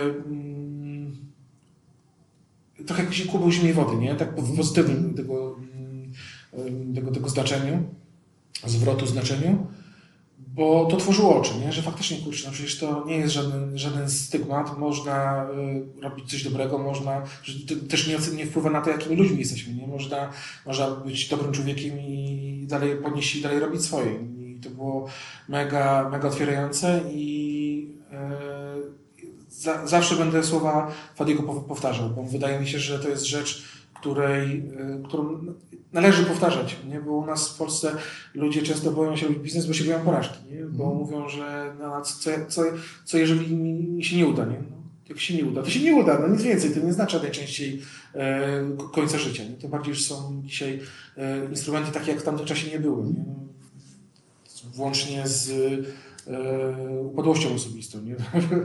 już e, idąc w zupełnie, zupełnie czarne, czarne zakamarki. No. no. ale jest to dziś jakiś taki wentyl bezpieczeństwa, nie? Który, o którym myśląc e, można sobie tak rzeczy poukładać, żeby, żeby to ryzyko podejmować, nie? a podejmować na pewno warto. Tak patrząc z perspektywy jakichś 30 lat doświadczenia zawodowego, to, to, to, to, to też kiedyś opowiadałem, że pierwszy biznes otworzyłem, jak byłem na pierwszym roku studiów, a wspomnikami byli koledzy z klasy maturalnej. No to e, z jednej strony nie mieliśmy takich narzędzi, takiego wsparcia, jakie jest w tej chwili, gdzie bardzo łatwo znaleźć sobie jakąś mądrą osobę, która jest w stanie doradzić, jak prowadzić biznes, albo jak e, wykaraskać się z jakiejś sytuacji. E, jest szansa na to, żeby dostać jakieś dofinansowanie, bo poza projektami, programami unijnymi i tutaj krajowymi można też znaleźć właśnie aniołów biznesu, którzy widząc potencjał są w stanie zainwestować. E, e, ale najważniejsze jest to, że jest dużo wiedzy dostępnej. Tak? Jak ktoś chce znaleźć jakąś poradę jakiś temat, to wystarczy, że otworzy internet i nawet takie jak coś zrobić, tak, to tam po prostu znajdzie. Myśmy natomiast, Wejdzie na, na, tak. na, na like do Jarka Łojewskiego. Myśmy natomiast, umówmy się, że w 1990 roku nie było internetu w Polsce. E, w, i, I myśmy bardzo dużo rzeczy intuicyjnie robili. Trochę podglądając e, znajomych, e, u mnie, u mnie bezpośrednio w rodzinie nie było jakichś takich tradycji przedsiębiorczości. U moich wspólników zresztą, jak się potem okazało, też nie. Natomiast mieliśmy e, takie trzy rzeczy chyba, które spowodowały, że jak na tamte czasy jakiś, no, odnieśliśmy pewien sukces, tak? Po pierwsze, nie mieliśmy potrzeby zarabiania teraz, zaraz już, no bo byliśmy na utrzymaniu rodziców Dlatego zawsze, jak pracuję gdzieś tam ze studentami czy z, z młodzieżą, mówię, że słuchajcie, teraz jest ten czas, kiedy możecie po prostu próbować, możecie się odważyć, bo nawet jak wam się noga powinie, no to macie gdzie spać, macie co jeść. Tak? Już w naszym wieku trochę gorzej było z takimi rzeczami. E, druga rzecz, mieliśmy bardzo dużo zapału. Tak? Chciało nam się po prostu robić. E, nie było, takiej, e, nie było takich dylematów, że trzeba wrócić do domu, bo warto by się z dziećmi zobaczyć, że trzeba byłoby nie, nie robić czegoś zawodowo, tylko udać się. Odpowiedzialności różnych, tak, dużych. Tak. A trzecia rzecz, w ogóle nie mieliśmy świadomości jakiś potencjał. Nie mieliśmy w ogóle, byliśmy głupi, bo nie wiedzieliśmy, że to może grozić tym, że się nie uda. Nie? Że, to, że to, że się nie uda, to może, może być czymś niedobrym. Nie, nie wiedziałeś, że może nie wypalić i tym nie przejmowałeś. Jakby nie miałem takiego poczucia, że jak nie wypali, to będzie to coś złego o, w ten sposób. Ale dlatego, że miałem właśnie to, to, tą pierwszą zwłaszcza rzecz. Tak? Wiedziałem, że faktem jest, że nie było tak, że myśmy się jakoś tam zapożyczali, pozadłużali, czy coś takiego. Owszem, zapożyczyliśmy się na początku, ale w, w taki sposób, żeby, że, że wiedzieliśmy, że po prostu będziemy w stanie to zwrócić ale nie baliśmy się tego, że nam się nie uda, bo widzieliśmy, że mamy jakąś poduszkę bezpieczeństwa na podstawowe rzeczy, tak? Reszta to była nieważna. Uwielbiam tą historię o tych rundach finansowania, którą opowiadasz. Jest y, rewelacja. To kiedyś przy jakiejś okazji. E, wracając, wracając do, e, do naszej rozmowy, e, skończyliśmy na gościu z Doliny Krzemowej w Blackboxie i tym, jak pomagał osobom z pomysłami, z potencjałem. Tak. I zapamiętałeś naukę y, z tego, że porażka to nie jest coś złego. Coś jeszcze? Nie, to wydaje mi się, że wyczerpałem tutaj ten, ten, ten temat, ale to naprawdę było, było bardzo ważne i zresztą to, to pokazuje jaką dobrą robotę ty robisz, nie? Bo nie znam w zasadzie drugiej, czy osoby, czy, czy fundacji, czy jakiejś instytucji, która by mówiła w Polsce o, o porażce w taki sposób. Mm. Nie stygmatyzując, tylko mm, na takiej zasadzie, że można z tego wyciągnąć lekcje e, i, i się czegoś nauczyć, nie? Więc to jest... Czy tak, żeby, żeby już tam y, była jasność, jest jeszcze parę osób i miejsc w Polsce, które się tym zajmują. Fuck Up Nights jest regularnie prowadzone w Lublinie, także tam też ekipa, ekipę pozdrawiam z Lublina propagują tą ideę uczenia się z porażek, nie bania się z porażek. E, swojego czasu Marcin Osman dwa razy bodajże organizował w Warszawie takie wydarzenie. E, nie chcę przekręcić nazwy, więc nie będę nawet próbował, gdzie też właśnie e, zapraszał ludzi, którzy opowiadali o tych porażkach. Natomiast no, faktem jest, że jak, jak wymyślałem fundację, zastanawiałem się, czy tylko tymi porażkami się zajmować, czy czymś jeszcze czy jakoś szerzej to, to stwierdziłem, że może tak skupimy, skupimy się w ramach fundacji na tym, aby przekonywać ludzi, że e, to nie jest tak, że e, da się przejść życie bez porażek. Tak? Statystycznie być może są jakieś pojedyncze przypadki, że, że nie ma żadnych niepowodzeń, chociaż wątpię. Też mi się nie wydaje. E, natomiast ponieważ będziemy się z tym stykali, tak? tak samo jak stykamy się na przykład z tym, że możemy się zranić, że możemy sobie nabić guza, że możemy yy, szklankę stłuc, tak? to musimy wiedzieć, co trzeba zrobić potem. Także jak nabijemy sobie guza, to najlepiej od razu czymś zimnym y, to obłożyć, a jak stłuczemy szklankę, to trzeba pozamiatać te okruchy i wyrzucić, żeby ktoś inny się nie skaleczył. To tak samo jak poniesiemy porażkę, no to trzeba spróbować jakoś naprawić jak najszybciej jej skutki, ale przede wszystkim zastanowić się, co zrobić, żeby na drugi raz ta porażka się nie powtórzyła, tak żeby tego samego błędu nie, nie powtórzyć. No, chyba też przede wszystkim nie traktować tego, że, się, tego, że odniosło się porażkę, jako, mówiąc kolokwialnie, tego, że samemu się jest porażką. Bo to absolutnie nie, nie, nie to oznacza. A miałeś takie kiedyś poczucie? Ja strasznie mgliście ten czas pamiętam. Okay. Tak jakoś, ja myślę, że podświadomie człowiek próbuje te, te trudne rzeczy wymazać, znaczy nawet nie, nie, nie, nie tyle, że podświadomie. Ja wiem, że tak działa nasza, nasza psychika, że rzeczy, które są w pewnym sensie nas traumatyczne, E, są e, wyszerzane. E, ta, ta jakby ich intensywność jest, jest zmniejszana po to, żeby, żeby się nie zwariowali, nie? Tak. Żeby, żeby łatwiej nam było co pamiętać. Ja tak trochę ten czas pamiętam jako taki mm, nie biało-czarny, tylko taki trochę szary, nie? taki Aha. trochę wyprany. I często też o tym mówię, nie? więc coś, co, czego człowiek sobie nie, nie przypomina regularnie, też myślę, że gdzieś tam się zaciera w, w pamięci. E, więc nie potrafię jednoznacznie powiedzieć, czy ja się czułem tak, tak czy inaczej. Na pewno nie czułem się dobrze, czułem się źle. Mhm. E, Natomiast jest taki e, też guru, to może źle powiedziane, jest taki hinduski mówca motywacyjny, inspiracyjny, który ma taki słynny filmik Do you have a problem? Yes? Can you do something about it? Yes? No? Yes? Then why worry? No? Then why worry? I tak samo jest w tym drugim, drugim przypadku, czyli jeżeli masz, masz, masz problem, możesz coś z nim zrobić, no dlaczego się martwisz? Jeżeli, jeżeli nie możesz nic z nim zrobić, no dlaczego się martwisz? Jak nie masz problemu, no dlaczego, dlaczego się martwisz? Nie? I w zasadzie w każdym wypadku dlaczego się martwisz? Nie?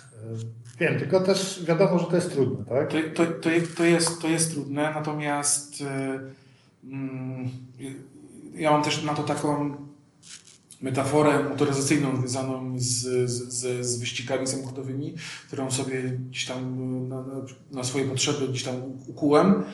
E, jak samochód wpada w poślizg, e, to wypada z jakiejś tam trajektorii obranej, czyli jesteś w zakręcie, wpadasz w poślizg i lecisz na wprost. E, to najgorsze, co możemy zrobić w tym czasie, autentycznie, będąc za kierownicą samochodu, który wpadł w poślizg, najgorsze jest, co możemy zrobić, to gapić się na tę, na tę przeszkodę, którą lecimy. Aha. Bo to jest niemalże gwarancja e, tego, że wlecimy w tą przeszkodę. Jeżeli nasz samochód stracił, straciliśmy panowanie naszym samochodem, to powinniśmy się skupić nadal na drodze, na której jechaliśmy i powinniśmy patrzeć tam w tą stronę, którą mieliśmy jechać i oczywiście manipulować em, e, gazem, hamulcem, e, sprzęgłem, e, czyli Mhm. wszystkim tym, co jest w naszej mocy, co, co możemy wykorzystać. E, Natomiast no, musimy być skupieni nadal na, na tym kierunku, w którym jechaliśmy, do którego chcemy dotrzeć, bo tylko wtedy możemy z tego poślizgu wyjść. To bardzo fajnie odnosi się do, do takich autentycznych, życiowych e, poślizgów, które gdzieś tam każdy z nas łapuje. Jeżeli się skupimy na, na, na, na, tej porażce, na tym, co nas spotkało, jaka tragedia nas dotknęła, to bankowo jakby walniemy w to i odczujemy to z całym impetem. Natomiast jeżeli skupimy się na tym, co po prostu mamy robić, mamy rodzinę, mamy do kogo żyć, jest, y, po prostu robimy dalej swoje, no to prawdopodobnie o wiele mniej boleśnie odczujemy skutki tego poślizgu i, i pewnie uda nam się z niego wyjść. Aha. Myślałem, że powiesz coś innego. Myślałeś, myślałem, że powiesz coś takiego, że odruchowo naciskamy hamulec z całej siły. To jest właśnie częsta rzecz, która się zdarza e, w momencie, gdy jest jakaś taka niebezpieczna sytuacja na drodze, że ludzie mają taki odruch, że e, niebezpieczeństwo wynika z prędkości, a hamulec jest czymś, co tą prędkość e, zmniejsza, tak? A w większości poślizgów nie ma nic głupszego niż y, wciśnięcie, wciśnięcie hamulca. Zależy oczywiście od samochodu, jaki prowadzimy, już y, wchodząc w szczegóły techniczne, No. natomiast Znaczy ja nie mówię, żeby nie przyhamować, tylko żeby nie naciskać go po prostu na zasadzie hamulec do dechy i, koniec, nie? To, co Nie. powiedziałeś wcześniej, manipulujemy gazem, hamulcem, biegami, kierownicą i staramy się po prostu znaleźć taki, taką kombinację, żeby wyjść z tego poślizgu. tak, zakładamy kontry, dajemy jeszcze trochę gazu i Wiadomo, że to się na coś da, nie? nie, o, o poślizgu naprawdę można by, można by sporo, Okej, sporo robimy opowiadać. Oddzielnie rozmowę. Także tak, jeszcze zaprosimy jeszcze, y, jeszcze jednego y, słynnego polskiego niepełnosprawnego, który w poślizgach jest y, mistrzem, Bartka Ostałowskiego. Okej. Nie wiem, czy twoi słuchacze znają, wiedzą, że, że jest w ogóle facet, który jest jednym z najlepszych drifterów na, na, na świecie. Ja znam Karolinę Starlatczyk. To Ale jest drifterka. Okej, ale ten drifter jest na- tyle niesamowity, że nie ma oburąku. Okej. Ma tylko nogi. W ogóle byśmy się fajnie uzupełniali, nie? nie ma, ma, ma, tylko, ma tylko nogi i prowadzi samochód przy użyciu nóg, nóg czyli e, ma mm, na dole tam jakiś osprzęt, e, który jedną obs, o, obsługuje, a drugą nogę ma w takiej specjalnej skarpetce położoną na kierownicy. No i, driftuje. Jest niesamowity i jest chyba pierwszym Polakiem, albo naprawdę jedną z niewielu osób, które trafiły do programu Top Gear Aha. e, tego, tego słynnego, który gdzieś tam ki- kiedyś Jeremy Clarkson, Clarkson założył. E, nie wiem, czy on był w Top Gear czy Fifth Gear już teraz, Aha. tam już e, tam mm, kolejnym wcieleniu e, tego, tego. Proszę? W Grand Tourze. A, tak, o, o, o, o, o, o, to, Sufler. Tak, tak. E, Mówiliśmy o spotkaniu. Znowu trzeci raz nie będziemy o tym samym mówić. E, Mówiliśmy o spotkaniu z tym tak, no, sobie wydaje mi się, że to była taka trochę-? Klamra, nie? którą Aha. to jakby ten etap e, zakończył te takie moje e, biznesowe porażki. w zasadzie y, nie będę pytał całej drogi, bo, y, bo no, nie, ma, nie, ma, nie ma takiej potrzeby, ponieważ dzisiaj prowadzimy biznes rodzinny e, polegający na najmie nieruchomości komercyjnych. To jest ważne, bo to jednak jest w mojej ocenie istotna różnica między nieruchomościami komercyjnymi, a nie. E, no i uważam, że wszystkie te doświadczenia, które e, wcześniej e, miałem, no, chciałem powiedzieć, mnie dotknęły, spotkały, chociaż nie mówię właściwie słowo, bo ja dziś tego tak nie traktuję. Uważam, że były, że były bardzo cenne i bardzo mocno mnie ukształtowały w tych aspektach, które udało mi się jakby wyłapać, które dzisiaj wiem i czuję, które starałem się ci tam wskazywać, ale też pewnie w w, w, całym wachlarzu rzeczy, których dzisiaj być może nie dostrzegam. Nie? Mhm. A, e, a propos niepełnosprawności też często stwierdzam, że e, dzisiaj prawdopodobnie to, jaki ja jestem, w bardzo mocnym stopniu jest wypadkową tego też, że, że, że jestem na wózku. Zaryzykowałbym takie stwierdzenie, że przy mojej jakby charyzmie i, i sposobie bycia być może byłbym dupkiem, gdybym był osobą pełnosprawną, nie? że ten level jakby tych różnych okay. takich rzeczy, które są dzisiaj na, e, na akceptowalnym czy dobrym poziomie, przekraczałby pewne, pewne normy i pewnie byłbym trudny do zniesienia. Ale wiesz co, bo tak, te doświadczenia, które miałeś w biznesie nie wynikały z tego, że jesteś osobą niepełnosprawną, tylko wynikały z absolutnie czegoś zupełnie absolutnie zależnego. Absolutnie bez związku. Więc tak skoro, skoro mówiłeś wcześniej, że, że też pewne rzeczy tutaj Cię ukształtowały związane z tym biznesem, to może nie byłbyś dzisiaj takim dupkiem. To jest takie gdybanie oczywiście, nie? No bo stwierdzać, czy byłbyś dupkiem, oczywiście nie byłbyś dupkiem. Tak, ja mam taką wewnętrzną, wewnętrzną potrzebę, wewnętrzne, przekonanie, że, że wózek gdzieś tam jakby mnie okay. oszlifował trochę. Nie? Jakoś tak wiesz, trzyma trochę bliżej ziemi i, i pewnie w biznesie też, też to jakby ma, ma znaczenie i to widać bo gdzieś tam jakby taki, takie po prostu, ja to zawsze mówię, takie normalne, ludzkie e, prowadzenie, prowadzenie biznesu jest dla, mnie, jest dla mnie bardzo ważne. Ja też między innymi dlaczego, dlaczego zacząłem mówić e, o tym na konferencjach, bo tego cholernie brakuje. Mhm. Firmy, firmy między sobą porozumiewają się, porozumiewają się jakąś taką nową mową. Nawet zwykłej komunikacji, wiesz, mailowej, przysyłając swoje oferty, to często jest tak pozbawione jakiegokolwiek życia, koloru, tak jakby ktoś za wszelką cenę starał się swój komunikat wybrać z, z wszystkiego, co ludzkie, nie? Mhm. Jak zaczęła się e, pandemia, dostałem komunikat od, tak, celowo używam słowa komunikat, bo to raczej tak należało nazwać, e, to była oferta. Mhm. Oferta od jednej z największych firm z tej branży na ozonowanie i na dezynfekcję jakby biur, nieruchomości. Ja to czytałem własnym uczeniem mógł wierzyć. Tam to było, to było majstersztyk, to było mistrzostwo w powiedzeniu w taki sposób, żeby nie, nie ująć e, odbiorcy, żeby nie zbudzić emocji, e, żeby pokazać to po prostu, że jak bardzo jesteśmy e, poprawni w takim złym, złym tego słowa znaczeniu. No i biznes, jaki ja chcę robić, jak, jak, jak ja widzę, jaki życzyłbym sobie, żeby był, to jest przeciwieństwo właśnie tego, co, co otrzymałem od, od, od tej firmy. Nie? Ja życzyłbym sobie, żeby, e, żebyśmy w biznesie byli tacy, jacy na co dzień jesteśmy, nie? No bo e, pewnie każdy z nas się spotkał w tym, że, że, w relacjach biznesowych zaczynamy przybierać pewne e, maski, twarze, zaczynamy zachowywać się trochę inaczej, posługiwać trochę innym językiem, ubieramy się często nawet inaczej, co, mi, co, co mnie cieszy, dzisiaj mm, nierzadko mm, coraz więcej ludzi odchodzi od tego takiego dress code'u, nie? ale jednak no, w dalszym ciągu ta świadomość tego, że ktoś w koszuli czy w garniturze jest gdzieś tam z tyłu głowy, o, to jest to jest ktoś, nie? to jest ktoś, kto, coś znaczy. I tu mi się przypomina, przepraszam, Marek Zmysłowski, który powiedział, że zawsze chciał być tym facetem w garniturze i w krawacie. Tak długo, tak długo chciał nim być, jak nie zrozumiał, że nimi rządzą ci faceci w t-shirtach. To, wiesz, to jest zabawne. E, ja mam świadomość tego, że niestety ważne jest, żeby, żeby wyglądać, żeby budować amapresję, ponieważ ludzie nas postrzegają tak, jak nas widzą. Nie, no, tak, nie bez powodu mówi się, że e, jak nas widzą, tak nas piszą. No i to niestety w dużej mierze jest prawda. Ja przed naszym dzisiejszym nagraniem zrzuciłem t-shirt, założyłem koszulę. No, widzisz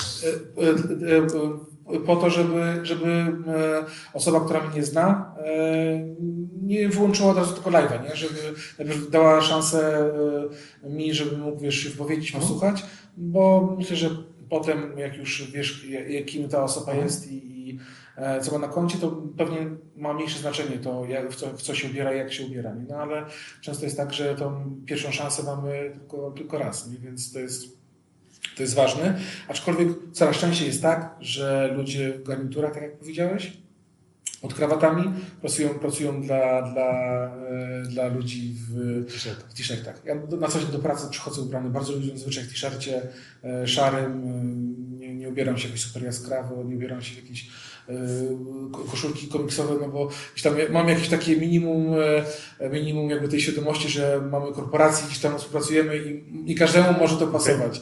To Michał, Michał Sadowski kiedyś miał taką przezabawną historię, jak e, szli do banku, e, nie, szli do banku? Nie. Miał jakieś, jakieś spotkanie, tak, miał jakieś spotkanie, miał jakieś spotkanie, czekał e, z, z tym prezesem i to te, temu prezesowi bardzo zależało na tym spotkaniu e, i słyszał jak asystentka jak go zostawiła i wyszła i mówi, panie prezesie, jakiś chłopaczek do pana.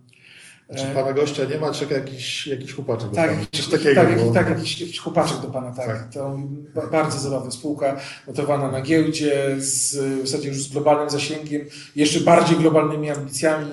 E, I prezes tej spółki jest kwitowany jako jakiś, jakiś chłopaczek. Nie?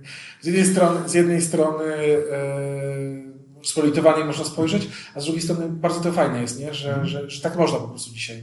To jest, wiesz, to jest taka historia typu przychodzi źle ubrany człowiek do sklepu z luksusowymi samochodami z reklamówką i chce kupić auto, tak? I go nie chce obsługiwać. Taką historię przecież też Mojego, mojego ojca kiedyś spotkała taka historia. znamy.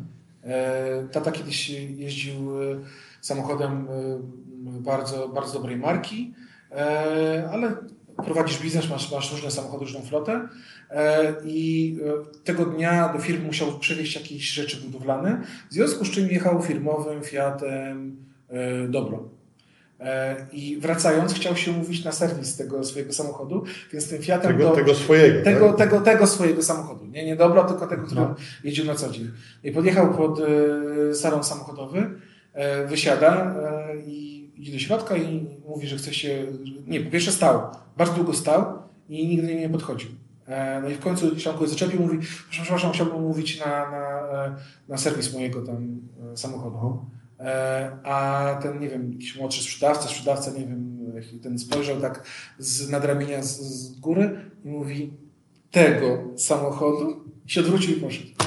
Oh, fuck. Tak. no, z- Szczęka, Okej. szczęka na podłodze, oczywiście w, w, u tego konkretnego dealera w tym kodnym serwisie już, już, już nigdy, nigdy więcej i pewnie dużo stracili przez, przez to, nie? No bo wiadomo, że przedsiębiorca zna przedsiębiorcę, który gdzieś ma podobny samochód, poleca się lub się odradza pewne miejsca, E, więc to, co jest po- po- podawane czasem w dowcipie jako, jako pewna anegdotka, no, może mieć miejsce w, w rzeczywistości. Także pff, myślę, że gdyby właściciel tego salonu, tego miejsca wiedział o tym, to myślę, że załamany byłby. Nie? Oczywiście człowiek pewnie miejsce straciłby pracę, nie? Co, co, co nie miało miejsca. Ja się po paru takich życiowych doświadczeniach, gdzie podchodziłem z pewnym przeświadczeniem do, do, do jakichś ludzi, które to przeświadczenie zbudowałem w sobie na zasadzie właśnie pewnych stereotypów, pewnych e, takich rzeczy, które gdzieś tam wydrukowane są, ponieważ żyjemy w takiej nie innej kulturze. Em, może przesytem czasami pewnych, pewnych informacji, no to nauczyłem się, żeby jednak e, zachować dystans do tych informacji, a być bliżej tych ludzi, a nie odwrotnie. Nie? E, Dlatego, że mówię, no parę razy było tak, że byłem e, mile zaskoczony tym, że człowiek, który gdzieś tam jest przedstawiany jako, nie wiem, celebryta, ktoś gdzieś tam na wysokim e, szczeblu, z kim nie należy e, rozmawiać jak z człowiekiem, tylko może jak trochę do jakiegoś bożka tam się zwracać, to się okazuje po prostu prawym człowiekiem, bardzo dobrym rozmówcą, bardzo fajną osobą, z którą e, można i pośmiać, dowcipkować. I, I wcale nie, i to nie on buduje jakby Dystans. ten dystans, tylko ten dystans jest gdzieś tam zbudowany, mówię, Przez nas samych zazwyczaj, nie? Bo no, przez jakieś takie kulturowe pewne wdrukowanie, że nie wiem, jak ktoś jest prezesem banku, to od razu musi nie wiadomo kim być, tak? W sensie, żeby, żeby, żeby mnie źle, żebyście mnie źle nie zrozumieli, tak? To nie jest deprecjonowanie tej osoby, tylko no, Przedstawienie pewnych wyobrażeń, jakie mamy na temat, y, Tak. na temat tych osób i tych pewnych granic i dystansów, które sobie sami własnej głowie budujemy. Bo to jest tak, że nie wiem, nawet w, w mediach, w prasie, w filmach, jak patrzymy, no to te osoby gdzieś na takich wyższych szczeblach są przedstawiane w dosyć jednolity sposób, tak? Jako osoby po prostu wysoko postawione niedostępne, może o tak? Nie? Które patrzą z 50 piętra na te mróweczki, które gdzieś tam się poruszają. Tak, którzy traktują innych ludzi jak, jak, jak właśnie jak te mrówki, jak maluczki, natomiast przecież to, to tak po prostu nie jest, tak? Tak nie jest y, i moje doświadczenia są tak, takie same jak Twoje. Zazwyczaj jak miałem okazję poznawać czy osoby znane, czy bogate, y, to w 99% przypadków to są osoby, które są zazwyczaj normalne, no, y, bardziej śmieszne, mniej śmieszne, na pewno dostępne, z którymi można normalnie porozmawiać, które nie mają na swój temat jaki, Bóg wie jakiego e, mniemania. Są od tego wyjątki, bo zdarzają się osoby, które, o No. których się mówi, że im cudówka uderzyła nie? i wtedy można się przy, przykro zawieść. Natomiast to, jest, to są raczej y, odstępstwa od reguły, a nie, a nie reguła. Nie? I to- to jest, to jest mega. Nie? Zresztą w ogóle uważam, że y, y, podstawą jakby odniesienia sukcesu w biznesie, żeby pójść, pójść dalej, to jest zrozumienie tego, że biznes to przede wszystkim ludzie. I to na każdym etapie, bo po pierwsze ludzie, których zatrudniasz, to są ludzie, którzy e, pracują na e, rzecz tej organizacji, w której, w której pracują. Czyli po pierwsze dobrze by było, żeby oni się czuli częścią tej organizacji, żeby pracowali nie dla ciebie, tylko, tylko jakby na, na, na, na, na, wspólne dobro. E, Po drugie, twoi klienci to są ludzie, o którym też często zapominamy, wysyłając na przykład takie komunikaty, jak ten, o którym mówiłem, nie? czyli e, takie wyprane w ogóle z emocji, jak tak jakby wiesz, e, przy, papka przerobiona dla jakiegoś robota, który ma to przetworzyć i są same suche dane, nie? To jest po prostu obrzydliwe, nie? Tego nie da się, to nie jest trawne, tego nie chce się, się jeść. E, Nas jako ludzi poruszają emocje i, e, i, i warto pamiętać o tym, że nasi klienci e, to, to ludzie i po trzecie e, jakby nasze otoczenie całe, nie? czyli to, co nie wiem, nazwiemy networkingiem, wa, wa, wa, wa, wa, warto mieć kontakty, warto mieć znajomości.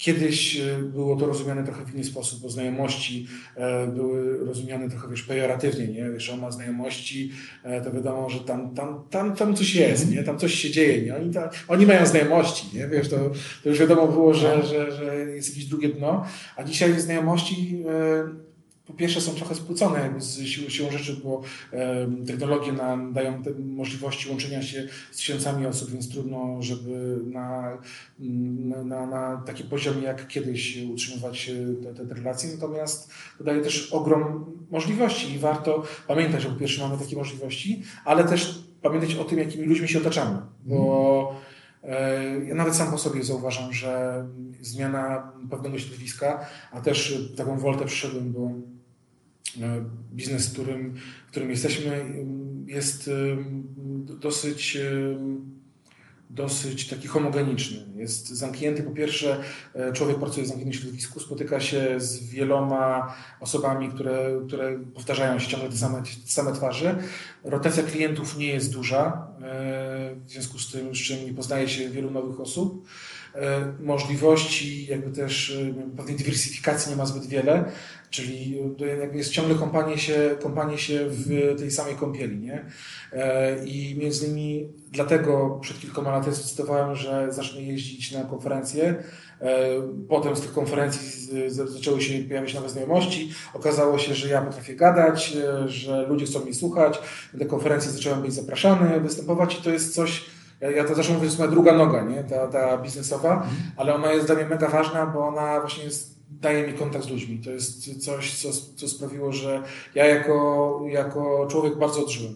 Brakowało mi e, i, i relacji, i poznawania nowych osób, i uczenia się od nich, e, i otaczania się bardziej świadomie tymi którymi osobami, którymi e, chcę się otaczać. I dzięki temu uważam, że miejsce, w którym jestem, jestem teraz, y, jest, jest o niebo lepsze niż to, w którym byłem e, przed kilkoma laty, chociaż to, co się zmieniło przede wszystkim, to ludzie, którzy mnie otaczają. Powiem Ci trochę egoistycznie podchodzę do takich wydarzeń jak dzisiejsze, dlatego że e, zapraszam ludzi, którzy przede wszystkim dla mnie są ciekawi. Zakładam, że skoro są ciekawi dla mnie, to może jeszcze dla paru innych osób. I staram się zapraszać też takich ludzi, których nie znam, ale których znam, ale za mało kontaktu mam z nimi. Tak a propos, a propos tego, co robiłem parę miesięcy temu tam w tej serii związanej z wsparciem ludzi szukających pracy. Bo to, jak to, z kim się spotykamy, to z kim rozmawiamy, to o czym rozmawiamy z tymi ludźmi, o różnych rzeczach, tak, no to buduje nas, po prostu nas wzbogaca. Ja zawsze, jak zdarzało mi się brać udział w rozmowach o pracy i było pytanie, co najbardziej lubię, co najbardziej cenię, no to mówiłem pracę z ludźmi, poznawanie nowych ludzi, rozmowa, wymianę doświadczeń. Nie wyobrażam sobie sytuacji e, takiej, że, że nie mógłbym po prostu tego robić. Nie? Dlatego bardzo się cieszę z naszej dzisiejszej rozmowy. Nie wiem, czy zauważyłeś, ale już minęło prawie półtorej godziny. Nie, to jest, to jest, to jest zawsze magia. To, tak, a to jest, a to jest yy, tak mi się wydaje, że to jest taki e, miernik dobrej rozmowy, nie? Jeżeli tak. gadasz półtorej godziny i nagle zdajesz sprawę, jest już półtorej godziny minęło, to nie wiem, czy to się słuchaczom podobało, ale na pewno mi się dobrze rozmawiało, nie? To na pewno to Dokładnie. Dokładnie. E, słuchacze będą mieli szansę sobie tego słuchać, jak sami się nazywają. E, zostawimy, zostawimy to dla Was na YouTubie, na Facebooku. Jeszcze, jeszcze zmontuję z tego podcast, żebyście mogli sobie w aucie czy przy jakimś sporcie nas posłuchać. Ja bym bardzo chętnie jeszcze kontynuował, ale sam powiedziałeś, że trochę czasu rodzinie chciałbym też poświęcić, więc dam Ci tą szansę. E, oczywiście chętnie, chętnie. E, myślę, że jeszcze, jeszcze wrócimy do, do rozmowy. E, czuję pewien niedosyt w paru obszarach, a być może jeszcze jakieś komentarze. Nie wiem, się cieszyć czy nie cieszyć, kurczę. To, to ty mi powiedz, bo ja wtedy będę wiedział, czy cię namawiać, czy nie namawiać. Tak? Przemyśl i wtedy powiedz. Okay. Żeby nie było, że coś teraz paniesz publicznie, wiesz, musiałem się z tego wywiązać. Także słuchajcie, nie wiem, czy jakoś też podsumować to dzisiejsze spotkanie?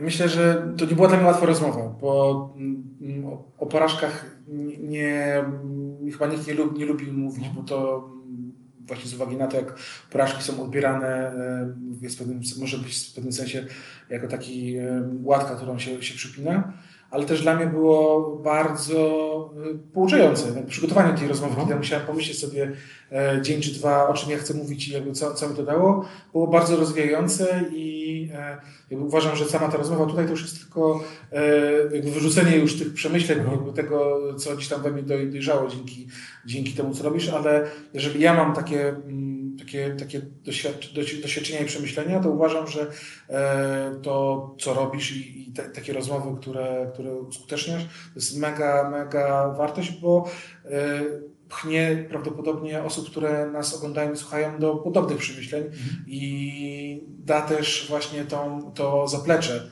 e, którego zazwyczaj ludzie nie pokazują, a co sprawi, że prawdopodobnie wiele osób będzie mogło się lepiej poczuć.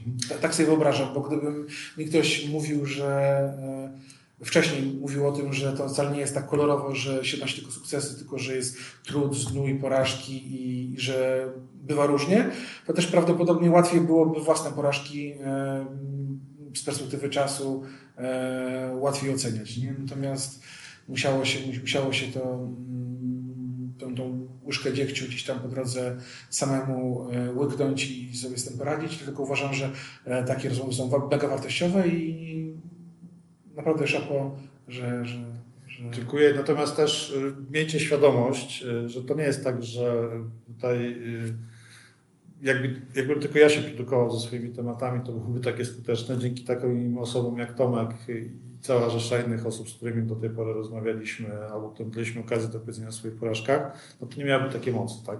Bo jak, co prawda jest takie przysłowie, które mówi, że jak to było z, z tymi muchami? Nie wiem, o czym chcesz powiedzieć. To... Dobrze, to może zejdę z tego tematu, nie będę tego wątku kontynuował. Chcę tylko powiedzieć, że dzięki takim osobom, Tomek, jak ty, które odważają się e, publicznie opowiedzieć o swoich e, przeżyciach, o swoich emocjach, o tym, co dla, z tego wyciągnęliście dla siebie, jak to przerobiliście na jakieś szanse, na jakąś naukę, którą wykorzystywaliście dalej i którą dzielicie się z nimi no to dzięki temu ta misja, którą tutaj robimy w Fundacji jest możliwa po prostu do realizacji dużo skuteczniej niż gdybyśmy to robili z własnymi siłami. Pocukrowaliśmy sobie. Idea, idea, idea, idea jest słuszna. Ale myślę, że zgadzacie się z nami, no bo, bo, bo czemu nie? To jest takie mod, mod, tak, tak, y, nie, nie, nie, bo nie ostatnio. To tak, no, więc Tak, tak, tak, bo tak. Tak, bo tak. Słuchajcie, dziękujemy bardzo serdecznie. Tomek, jeszcze raz dziękuję. Dzięki. E, Do kolejnego spotkania przy okazji rozmowy lub przy okazji. E, Wam też bardzo serdecznie dziękujemy. Szczególnie E, tym osobom, które były z nami na, na, na, na live, bo to jest zawsze takie budujące, że nie mówi się tego tylko dla, to dla samego siebie, tylko też ktoś na żywo zechciał poświęcić swój czas i, i być z nami. E, Dla mnie, jako, jako osoby, która czasami gdzieś występuje i która teraz tutaj miała okazję się uzewnę- uzewnętrzniać, to jest naprawdę bardzo istotne, także dzięki. Tomek, dziękuję. Dzięki. Trzymajcie się. Hej. Dziękujemy za wysłuchanie naszego podcastu. Jeśli szukasz innych ciekawych materiałów, zapraszamy na stronę dobraporażka.pl.